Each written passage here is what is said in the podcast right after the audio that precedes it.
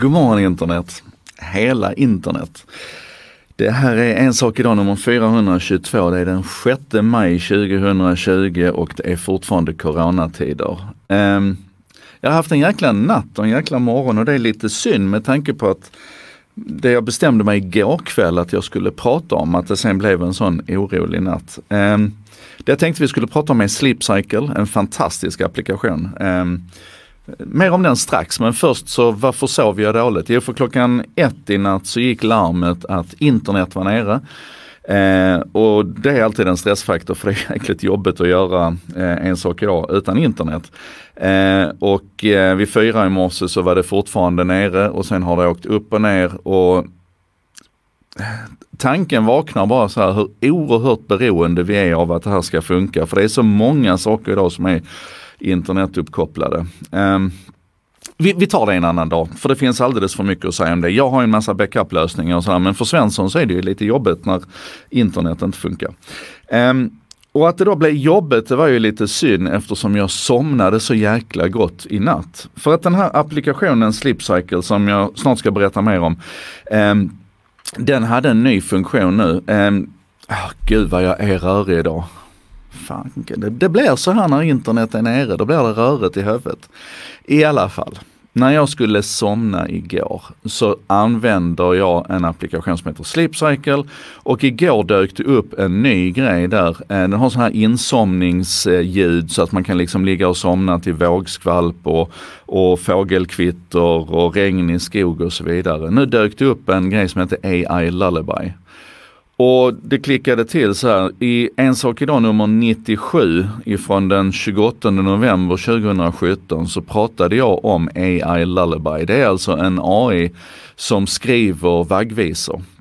Och går du tillbaka och tittar på den, det är avsnitt nummer 97 alltså, så berättar jag där om hur man då har låtit en artificiell intelligens utifrån vissa parametrar som vanligt experimentera sig fram till hur vaggvisor ska låta för att vara så effektiva som möjligt.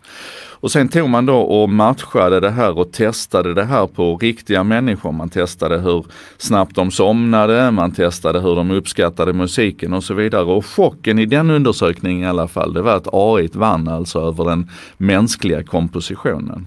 Och det här är superintressant och relevant idag när det är mycket diskussioner runt musik överhuvudtaget och melodier och, och, och artificiellt genererade eh, harmonier och så här. Att vi måste kanske snart börja ompröva väldigt mycket av det här med det vi kallar för den mänskliga kreativiteten. I alla fall, jag somnade gott till AI Lullaby eh, och sen så kom jag då på att men vänta här nu, Sleep Cycle har vi ju inte pratat om. Och det som är så fascinerande till att börja med med Sleep Cycle, det är vilken doldis de är i, i det svenska eh, tech-communityt får vi väl säga, hur lite det pratas om dem egentligen och hur lite de syns. Och det här är alltså ett, ett Göteborgskt konsultbolag. Bolaget bildades redan 2001 tror jag och applikationen släpptes första gången 2009. Jag tror jag installerade den 2010 och har historik tillbaka tills dess. Men grejen är att de omsätter alltså 108 miljoner om året. De är 20 anställda, de har en, en vinstmarginal på 60 procent någonting. Förra året på sina 108 miljoner så gjorde de 63 miljoner i vinst. Eh, fantastiskt företag som så få vet om. Och applikationen de gör, den kan man egentligen bäst beskriva utifrån deras, eh, deras tidslinje egentligen. Eh, 2009 så började man alltså installera den här applikationen i, i, iPhone, fanns den bara för från början. Och vad den gjorde det var att du la den på, på sängkanten, alltså uppe på ena hörnan på sängen och sen med hjälp av accelerometern i telefonen så försökte den då detektera hur du sov så att den kunde analysera när du var i djupsömn, när du sov lätt och när du hade din REM-sömn och så vidare. Och när du vaknade och så. Eh, och, och, det här tillkom liksom av att grundaren här, han, han upptäckte vilken kraftfull accelerometer det fanns i telefonen och den var ju egentligen till för saker som att detektera när den faller och att du skulle kunna veta om den var, vilken orientering den hade och sådär. Men han tänkte alltså då att fan det här borde man ju kunna bygga en eh, eh borde man ju kunna bygga en, en, eh, en, en sömnövervakare på så att vi kan samla in data om hur vi sover och sen göra vettet av det. Eh, jag sitter här och letar vad han hette. Han hette Maciek Dredjak, han som, han som kom på det här. Eh, Han har nu gått vidare och börjat jobba med drönare tror jag, men det är en helt annan sak. I alla fall, 2010 så hade man en miljon nedladdningar och det året så samlade man på sig totalt 14 000 år av eh, samlad sleep tracking, alltså av data runt sömn. Och det är klart att när du får in den sortens data så kan du börja göra jättemycket spännande saker på det. 2011 så börjar man definiera något slags sömnindex som man kallar det, eller kvalitetsindex på din sömn. Och utifrån det sen så kan ju jag som användare då börja skruva på och försöka optimera det här. Eh, 2012, 5 miljoner nedladdningar, 68 000 år av ackumulerad sömnspårning. Ni fattar vilka datamängder det här handlar om. 2013 så började de att när man vaknade på morgonen så kunde man hålla fingret över kameran och så tog den pulsen på en. Och då fick du ju en vilopulsmätning varje morgon när du vaknade. Det här blev jätteintressanta kurvor också. 2014 integration in i eh, Apples Health App eh, i deras kit och eh, en Sleep Cycle för Android faktiskt. Sen hände det en stor grej 2016 och det var när man, när man släppte det här med att telefonen använde accelerometern. Ja den kan fortfarande göra det men det bättre alternativet visade sig vara att lyssna på hur du, hur du andas och, och vilka ljud du gör när du sover. Och det coola här är ju då att när du har rörelsedata och du sen ber ett antal användare om att få lyssna på deras andning också och ljuden i sovrummet så kan du ju naturligtvis sy ihop det här, hitta mönster och konstatera över tid då att nej men vänta här nu, vi kan faktiskt göra ännu bättre resultat genom att lyssna istället för att mäta rörelser.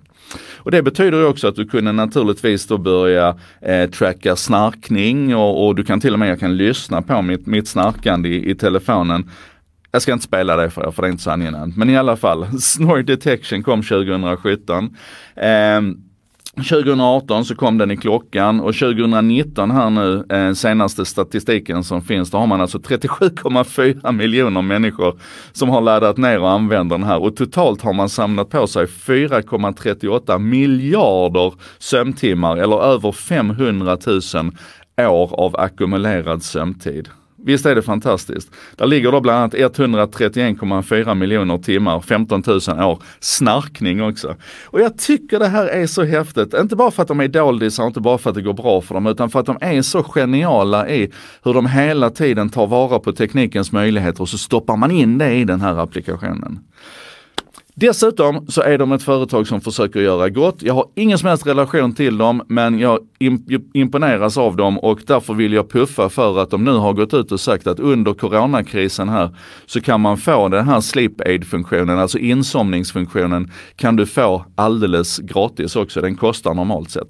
Vad som däremot inte kostar dig är den fantastiska uppvakningsfunktionen för du kan sätta ett fönster på, säg en halvtimme, så att om du sätter det på klockan fem på morgonen, en halvtimme innan klockan fem så börjar den att försöka analysera när är det bäst tid att väcka dig och så vaknar du när du är som bäst lämpad att vakna. Det finns också en intelligent snus som på samma sätt tar vara på var är du i sömncykeln och så vidare och så får du antingen en, en fyra minuters snus eller en nio minuters snus. Om du, ja, men det är så, de är jättebra. Testa Sleep Cycle om du inte redan har gjort det. Ehm, de har mina varmaste rekommendationer. Ehm, Lite meta här nu på slutet bara. Idag så har jag också testat att faktiskt gå ut med StreamYard på eh, Twitch. Så nu är jag en Twitcher också. Det betyder att vi vid den här appen, eh, ja, Tord Elvendal vaknar till en sak idag. Det är också lite fint kanske. Och Lotten skriver här, här kommer en länk. Ni får gå in och kolla i kommentarerna sen så ni kan klicka på Lottens länk.